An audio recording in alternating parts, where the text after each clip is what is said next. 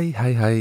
Da er det en eh, sann glede å ønske velkommen til en, ny episode med Tor, håp og ærlighet. Det er Tor Håkon Eiken du lytter til. Og denne podkasten, den ble til fordi at vi ønsket å se på hvordan kristen tro og liv ser ut i vår tid. Og ikke minst prøve å tenke noen tanker om hvordan den vil se ut om 10 eller 15 eller 20 år. Vi vet jo at det har vært store endringer i den religionen gjennom alle tider, og bare i min levetid, som er fra midten av 70-tallet og frem til i dag, har jo gudsbildet og tanken om Gud endret seg mye. Og så har vi av og til en sånn eh, fremstilling av eh, den kristne religionen som at det fantes en tid da den var helt fastlagt. Når alle som var knyttet til den, tenkte det samme. Og så har ting eh, skal si, gått i ulike retninger og blitt ulike greininger og avforgreininger og gått feil. Og, så da er det om å gjøre å komme tilbake til en eller annen sånn opprinnelig grunnkristendom. Men vi vet jo når vi leser historie, at det ikke stemmer. Den finnes jo aldri. sant? Det finnes aldri noe hjem å dra tilbake til. Unnskyld. Framtiden og hjemmet vårt, det ligger alltid foran oss. Sånn er det jo. Um, det er ikke alltid vi har lyst til å innse det, eller tenke det, for det at, at det at det har vært noe før oss som var så helt unikt fantastisk som vi må tilbake til, det ser jo ut for å være en drivkraft på mange områder. sant? Det er jo litt derfor det var mulig å lage en kampanje som sa Make America Great Again. Igjen. Ja, igjen. Det betyr at det har vært en gang der Amerika var great. Og så har ting blitt verre, og så skal vi leite tilbake til noe som en gang var. Som vi alle sammen vet ikke stemmer. Det var ingen gang. Det er ingen som kan si et årstall. Da var det great. Vi må tilbake til det årstallet, for da Da var dette landet great. Og sånn er det også med kristendommen. Det fins ikke et årstall der det var fantastisk.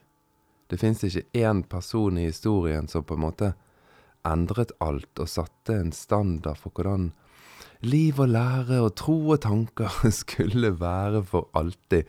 Vi har jo gjort litt sånn, og så eh, av og til snakker vi om Paulus som en sånn person som hadde forstått alt, og hvis vi bare kommer tilbake til Paulus sitt liv og hans lære, så blir alt bra, og noen ganger snakker vi som om Martin Luther på 1500-tallet.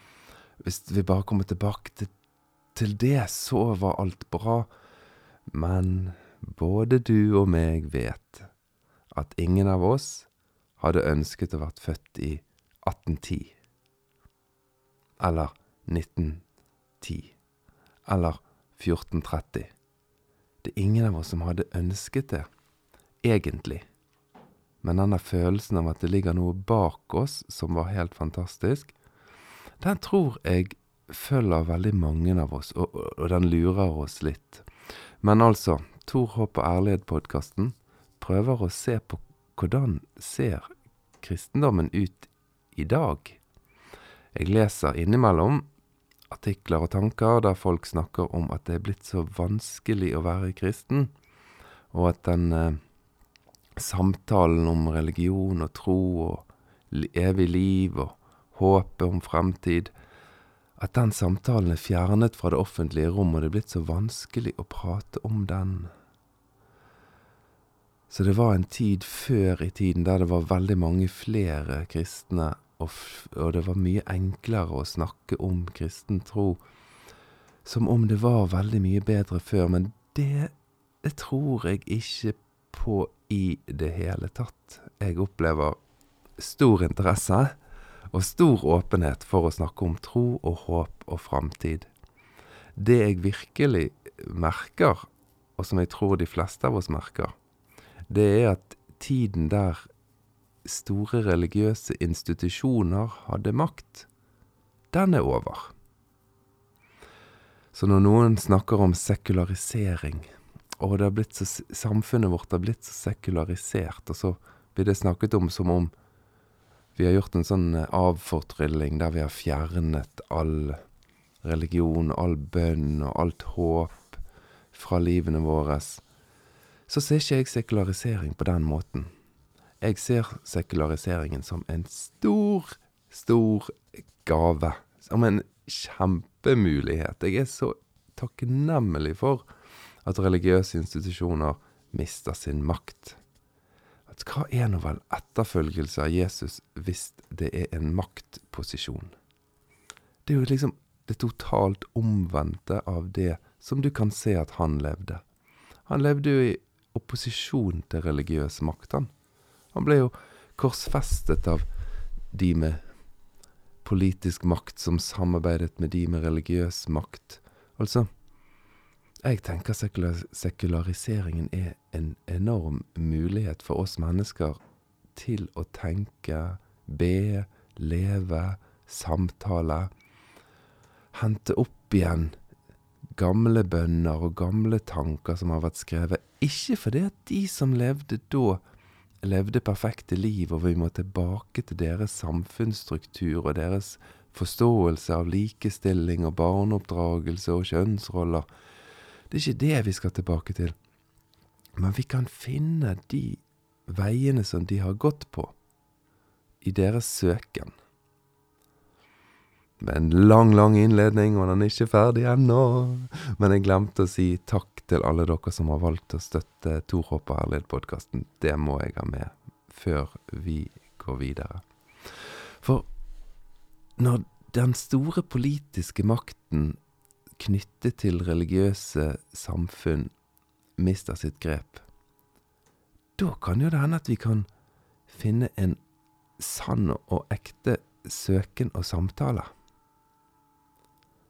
Du merket kanskje det sist gang. Nå er det ikke lagt opp, disse episodene er ikke lagt opp sånn at du må høre hver episode.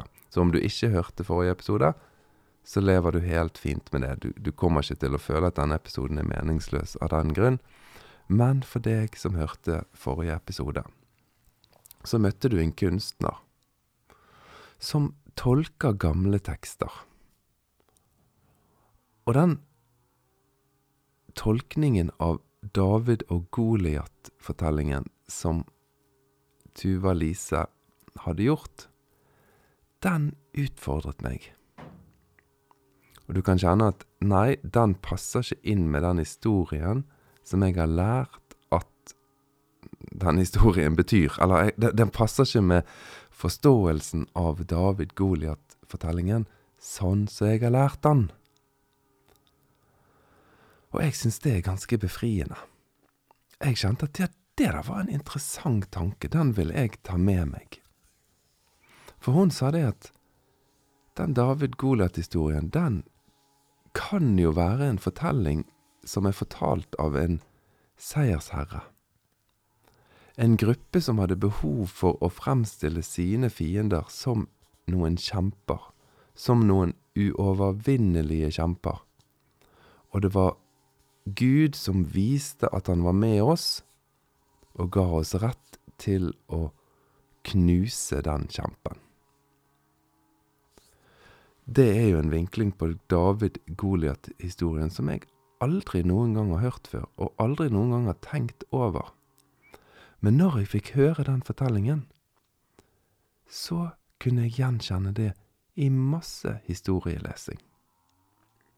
Tuva sjøl tok eksempelet med heksebrenning. Da snakker du om en kanskje en ung jente. Aleine i bygden blir beskyldt for å være heks. Altså den reelle vurderingen av situasjonen utenifra er jo et brutalt maktovergrep mot én person. Men når fortellingen får vokse på seg, og denne jenten står i ledtog med de onde, med den onde eller det onde, ja, da er jo plutselig den jenten et stort og skremmende monster. Eller en kjempe. En med voldsomme krefter som kan gjøre voldsomme ting, og det vil være et sant mirakel å få fjernet ondskapen fra denne bygden. Så da er historien snudd opp ned, og så føler den store gruppen seg som en liten gruppe som er truet av en stor makt. Og, og denne fortellingen, den gjentar seg. Den gjentar seg, og den gjentar seg, og den endrer posisjon og endrer situasjon. Og jeg merket at når jeg så og så de bildene som Tuva hadde malt, og pratet med hun om denne her eh, forståelsen av David-Goliat-fortellingen, så merket jeg at det, at det snakket litt til meg. Og jeg ble litt sånn Ja, maktbalanser endrer seg, og vi lager skremmefortellinger av andre grupper som vi misliker, eller som vi frykter. Så kjente jeg først kjente, Jeg kjente først denne der veldig fortvilelsen og provokasjonen som jeg kjenner på rundt skeive kristne. For de blir omtalt som en ideologi, som en gruppe som skal ødelegge samfunnet, og blir sammenlignet med kriminelle og forbrytere i miljøene som de hører til, og der de er en bitte liten minoritet. Og dermed så gir det noen mennesker rett til å snakke stygt og til å være ganske slemme med skeive. Men når jeg tenkte videre på den tanken, så ser jeg at i storsamfunnet i Norge så har jo den maktbalansen endret seg litt. Og da er jo det fort gjort at vi kan ta noen konservative grupper, eller muslimske grupper, og så kan vi gjøre de til monstre, og så får jeg lyst til å bare gyve løs på de men så føler jo de seg som den lille David mot den store Goliat. Selv om jeg oppfatter at de er en stor Goliat som undertrykker en liten David. Så den tolkningen som Tuva hadde gjort, den fikk meg til å tenke mange tanker. Og nå bare nevnte jeg noen få av de. Sånn at historiefortelling, den er aldri aldri, aldri nøytral. Hvem som er kjempen, hvem som er overgriperen, hvem som er den onde, det kommer an på hvem som forteller. Og nå tenker du kanskje ja, det sier seg sjøl, alle vet jo det at historien er påvirket av hvem som forteller. Ja, men jeg tror nok at både meg og deg ofte glemmer det. Og så tenker vi på vår historiefortelling som den riktige. Vår oppfattelse av den krangelen som vi hadde med en eller annen nabo eller en fjern slektning, det er vår fortelling som er den sanne. Sånn tenker vi veldig fort. Men jeg må si det, at den tolkningen som Tuva hadde av David Goliat-fortellingen, det må ikke oppfattes som at det på en måte er den, den riktige tolkningen av den fortellingen. For det at jeg tror ikke disse her gamle, hellige tekstene har én riktig tolkning. Kanskje du som lytter er vant med å gå på et møte, og så er det en som legger ut om, et, om en bibeltekst, og så tenker du ja, ok, det er det denne teksten betyr. Det vil ikke være så unaturlig om du har en bakgrunn og en menighetstilknytning der det er vanlig. Sånn at når du leser en lignelse av Jesus, så har du lært hva den lignelsen betyr. Det tror jeg er å hva si begrense fortellingens makt og fortellingens mulighet. Jeg tror nemlig at hver og en av de fortellingene som du kan lese i de gamle tekstene, har et uendelig potensial til å fortelle nye fortellinger. Sånn at denne her David-Goliat-fortellingen, den vet vi har vært til inspirasjon for så mange mennesker i så mange vanskelige situasjoner, der en virkelig har kjent at oi, jeg står overfor en kjempe. Jeg står overfor en utfordring. Jeg står overfor noe som er umulig. Men jeg vet du hva? Jeg våger å tro at universet er med meg, og at dette vil jeg lykkes med. Og jeg vil jo aldri ta fra folk den opplevelsen. Jeg tenkte kanskje jeg skulle lese en salme til deg som har betydd utrolig mye for meg, og som jeg faktisk hver dag, jeg tror jeg tør si i et år, halvannet år, leste høyt for meg sjøl. Lærte han selvfølgelig uten at det tar ikke så, han er ikke så lang. Så når jeg hadde gjort det noen uker, så kunne den salmen utenat. Og så sa jeg den salmen til meg sjøl mens jeg gikk på en tur, eller satt ute på terrassen, eller satt på et fly. Så tenkte jeg på den salmen, og så ga den salmen meg fred. Og så vil jo du kunne analysere den salmen etterpå, så vil du kunne si til meg at Nei, men den betyr jo ikke det som den betydde for deg da. Jo, den betydde det for meg akkurat der og da. Den betydde masse for meg. Og det at når vi lærer historie rundt tekstene, de gamle, hellige tekstene, så står vi nok i en fare for å lande på en betydning og en sammenheng og bli opptatt av hvem som har oversatt, og hva språk den var skrevet opprinnelig på, og Og så glemmer vi den muligheten vi har til å la tekstene snakke til oss i dag.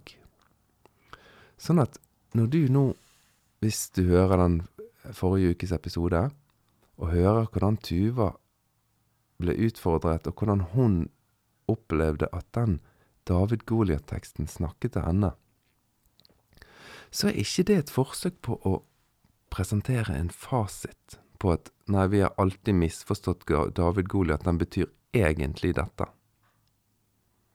Nei, men det er en utvidelse, og det er en mulighet til at ja, den kan også si meg det, og nå holder jeg på å lage et monster av den naboen som jeg ikke liker.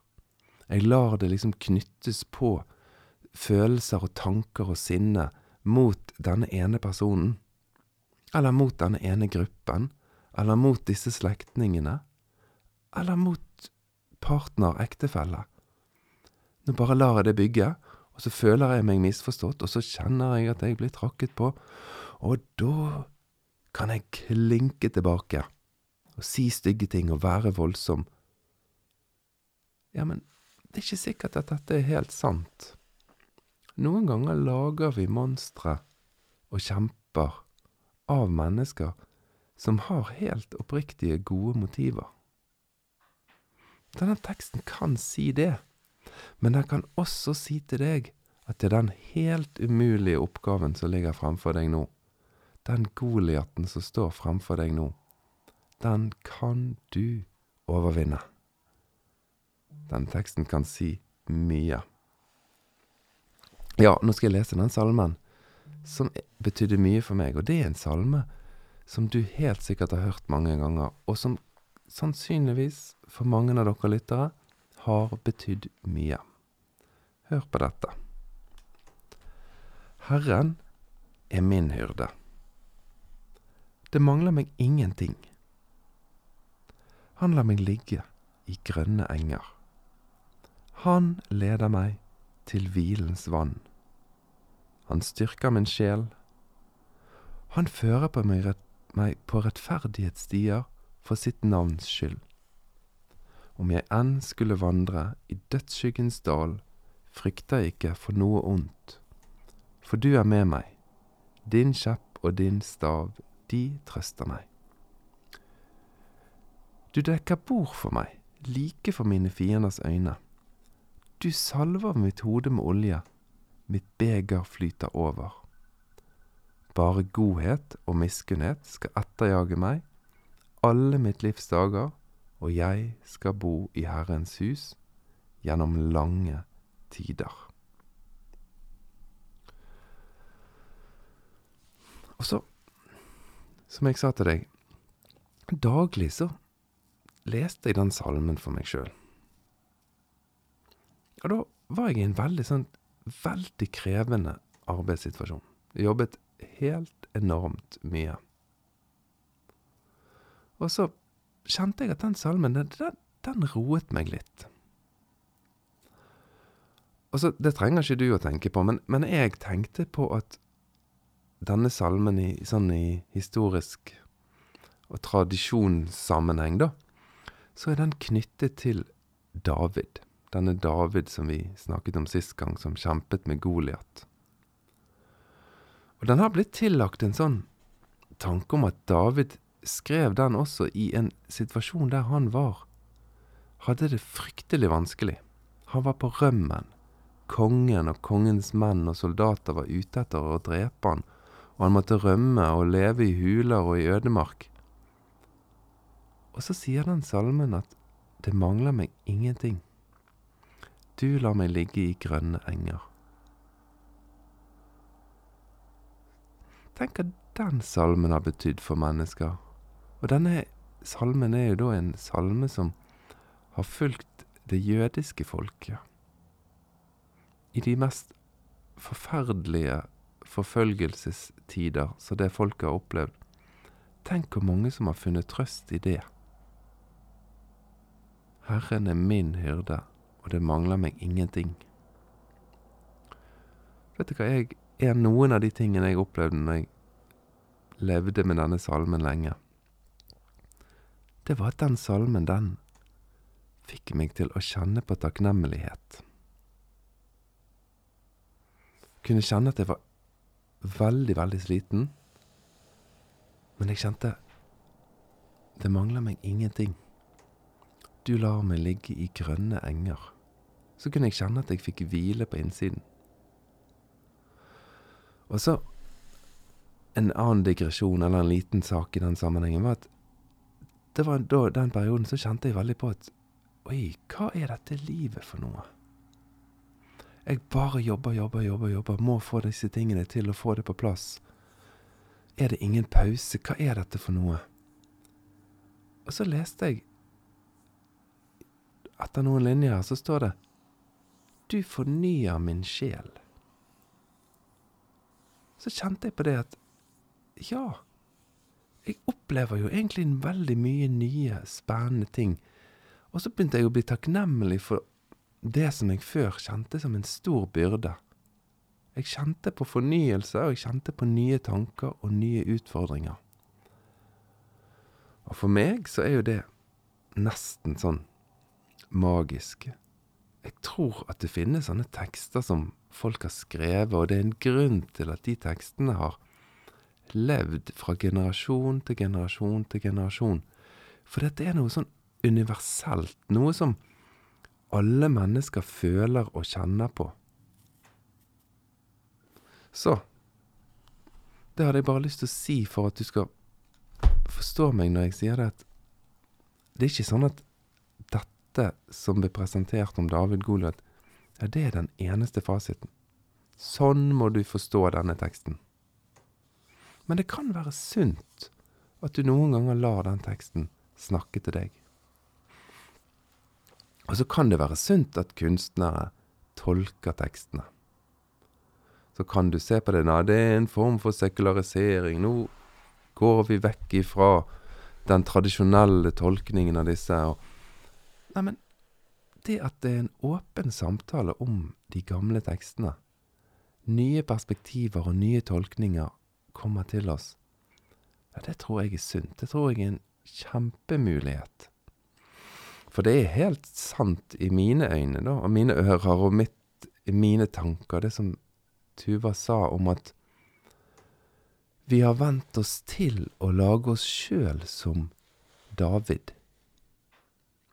Å tenke på oss sjøl som David Jeg har jo aldri hørt en andakt der noen har sagt så vi er Goliat.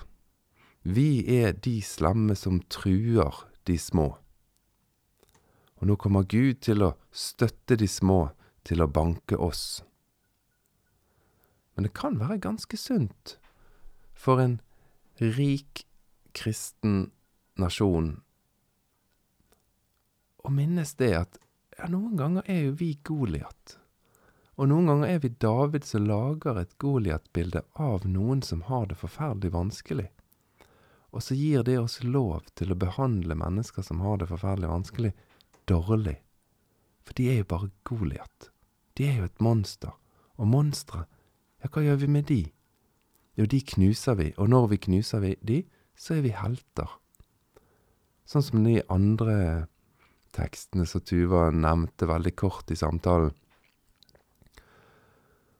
Og monsteret, denne kvinnen som var blitt voldtatt, og dermed så hadde hun blitt forbannet fordi hun var blitt voldtatt, sånn at plutselig så var hun et monster som det ble en heltehistorie rundt når noen skar av henne hodet. Hun var jo et offer fra ende til annen, men fortellingen handler egentlig om en helt som dreper dette offeret. Jeg tenker dette er sunne perspektiver å ha med seg også, i tillegg til andre perspektiver.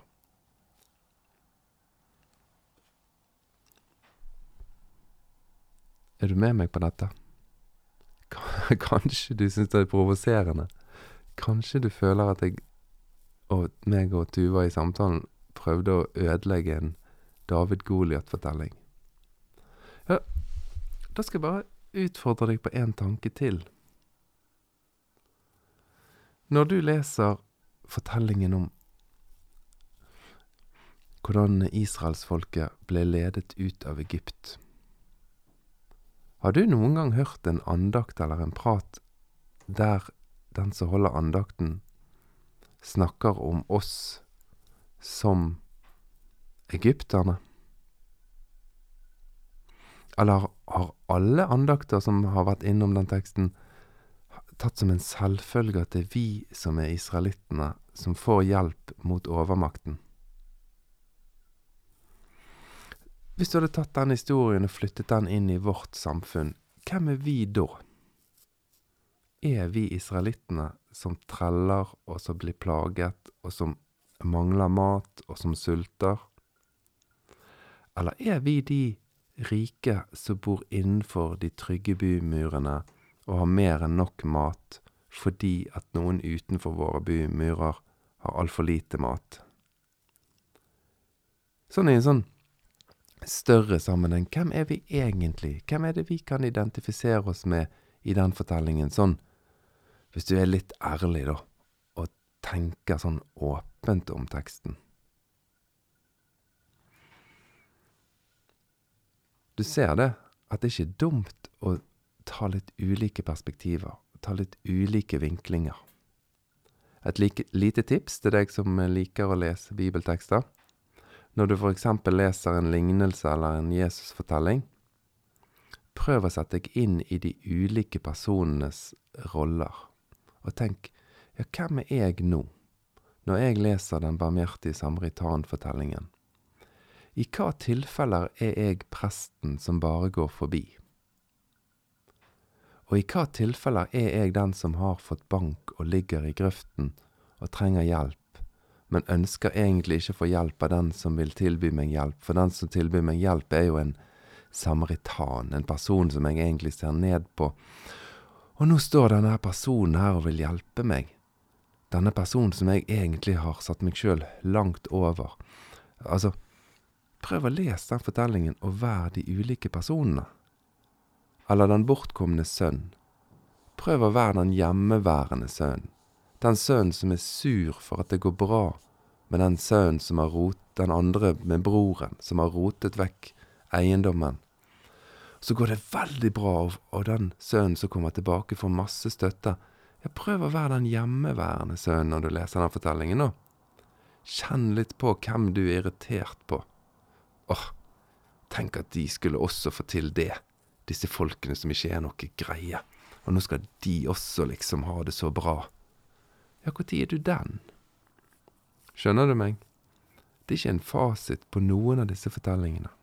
Det er ikke sånn de sier én single story. Dette er sannheten. Sånn skal de forstås. Det fins lag på lag på lag på lag i hver eneste fortelling. Og nå helt til slutt i denne podkasten, så skal jeg gi deg en utfordring. Noe som kanskje for deg som har lært at den store fortellingen gir et helhetlig bilde som vi i vår vestlige kristne kultur har forstått. Jeg har bare lyst til å vise deg at ting er redigert og ordnet sånn at de skal gi en fortelling som alle kan forstå og måtte gi sin tilslutning til, og dermed så kan vi få en felles tanke og en felles religion og et felles ståsted. Har du noen gang tenkt på at de bøkene som vi har i det som vi kaller for Det gamle testamentet, i stor grad er de samme bøkene som jødene har i sin bibel. De er ganske sammenfallende. Hvis du er katolsk, så har du en god del flere bøker enn det vi protestanter har, for vi ryddet vekk en del på 1500-tallet som vi da landet på ikke skulle være med i Bibelen lenger. Men i stor grad, hovedtrekkene, så har vi de samme bøkene. Og vi som har vokst opp i en protestantisk sammenheng, vi har lært at Gamle testamentet, det avsluttes med et frampek mot det som skal komme. Vi avslutter med disse ordene her. Se, jeg sender profeten Elia til dere før Herrens dag kommer den store og skremmende. Han skal vende fedrenes hjerter til barna, og barnas hjerter til fedrene, så jeg ikke skal komme og slå landet med bann. Altså, den gamle delen av vår bibel, den avslutter med et frempek mot en profet som skal komme og bane vei for liksom, Herrens frelse. Og så blar du om, og så begynner du på Det nye testamentet, og så leser du om en profet, en Johannes, som kommer og på en måte rydder vei for Jesus. Og så tenker du, hjelpe meg, så fantastisk dette er satt sammen. Og ja, det er det. Det er helt vidunderlig. Og den store fortellingen hos oss, den begynner med en hage begynner med en skapelse, og så avsluttes han i åpenbaringen i en hage. Den er rammet inn av paradis. Det er en stor, flott fortelling som har gitt håp og tro i årtusener. Og så kan du tenke, ja, men hvorfor i all verden jødene, da? Hvorfor ser ikke de dette? Det er jo så åpenbart. Her, her peker jo til og med avslutningen på Det gamle testamentet frem mot det som kommer i det vi kaller Det nye testamentet.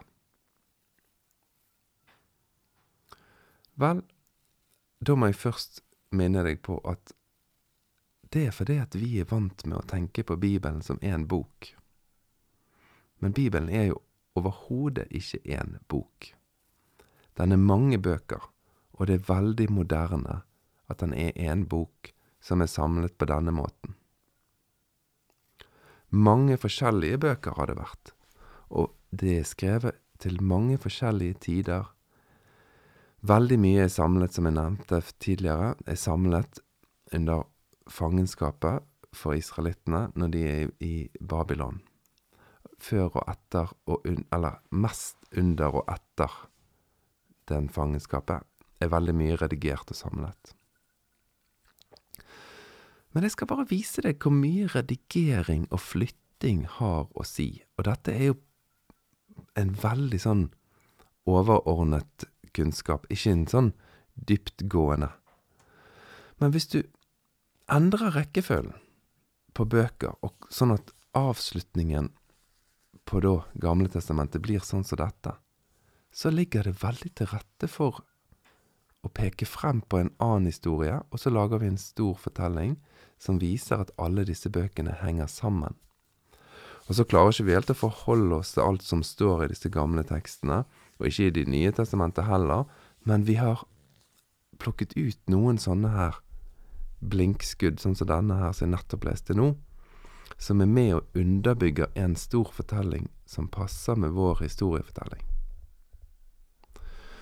Men har du noen gang tenkt på hvordan jødenes bibel avsluttes? Altså Det sentrale i deres forståelse her er jo at Gud har gitt dem et land. Og det folket som skal leve i det landet, skal være et lys for hedningefolkene, og det skal bli fred på jorden. De skal leve sammen med Gud på en sånn måte at alle folk ser at Gud er god, og det skal bli fred på jorden når Messias kommer. Så jeg vil jo tro at for de er det ganske unaturlig å tenke at, eh, at Jesus er Messias, for det er jo absolutt ikke fred. Og det er jo absolutt ikke sånn at de lever i sitt land. Men hvis jeg har forstått det rett, så avsluttes deres bibel med Jeremia-fortellinger. Husker du Jeremia som vi har snakket om i noen episoder tidligere? Det avsluttes omtrent sånn som dette. Så skjedde det, i perserkongen Kyros første år, for at Herrens ord i Jeremias munn skulle oppfylles vakte Herren slike tanker i perserkongen Kyros ånd, at han lot utrope i hele sitt rike, og dessuten kunngjøre ved en skrivelse. Så sier Kyros, kongen i Persia, for da hadde perserne overtatt babylonernes makt. Så sier Kyros, kongen i Persia, Herren, himlenes Gud, har gitt meg alle jordens riker, og han har pålagt meg å bygge et hus for ham i Jerusalem, i Juda. Er det noen blant dere som hører til hans folk, må Herren hans Gud være med ham, han kan dra dit. Så det som vi kaller for Det gamle testamentet, det som er jødenes bibel i stor grad, den avslutter med et annet frampek. Den avslutter med et frampek mot en retur til Jerusalem. Oppbyggingen av byen, oppbyggingen av tempelet, oppbyggingen av folket som skal være et lys for alle folk. Og da blir det helt naturlig i deres skriftlesning å begynne på nytt igjen. Å begynne å lese skapelsen. Å begynne å lese utgangen av Egypt. Skapelsen av folket. Hvordan dette folket ble til. Hvordan Gud så de og ga de lovene sine for at de skulle utvikle og jobbe med lovene og skape et godt samfunn for alle mennesker. Og så kan de lese hvordan denne historien har gått, hvordan de har vendt seg vekk ifra Gud og gjort seg harde, og at Gud venter i tålmodighet på at de skal igjen komme tilbake til Gud og til landet. Ser du det? At redigering får oss til å lese den fortellingen som vi har lyst til å lese.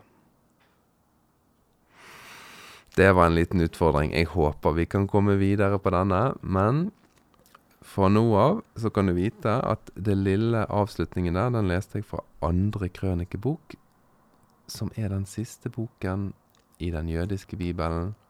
Og det er krønikebøkene. Leser du de, så lærer du masse om Jeremia og hans samtid og samfunn, og hva han opplevde. Tusen takk for at du hører på Tor Håp og ærlighet-podkasten. Jeg ser at det er mange av dere som har trykt 'abonner', sånn at hver fredag morgen så spretter det opp antall lyttere. Setter veldig pris på om noen av dere også deler den.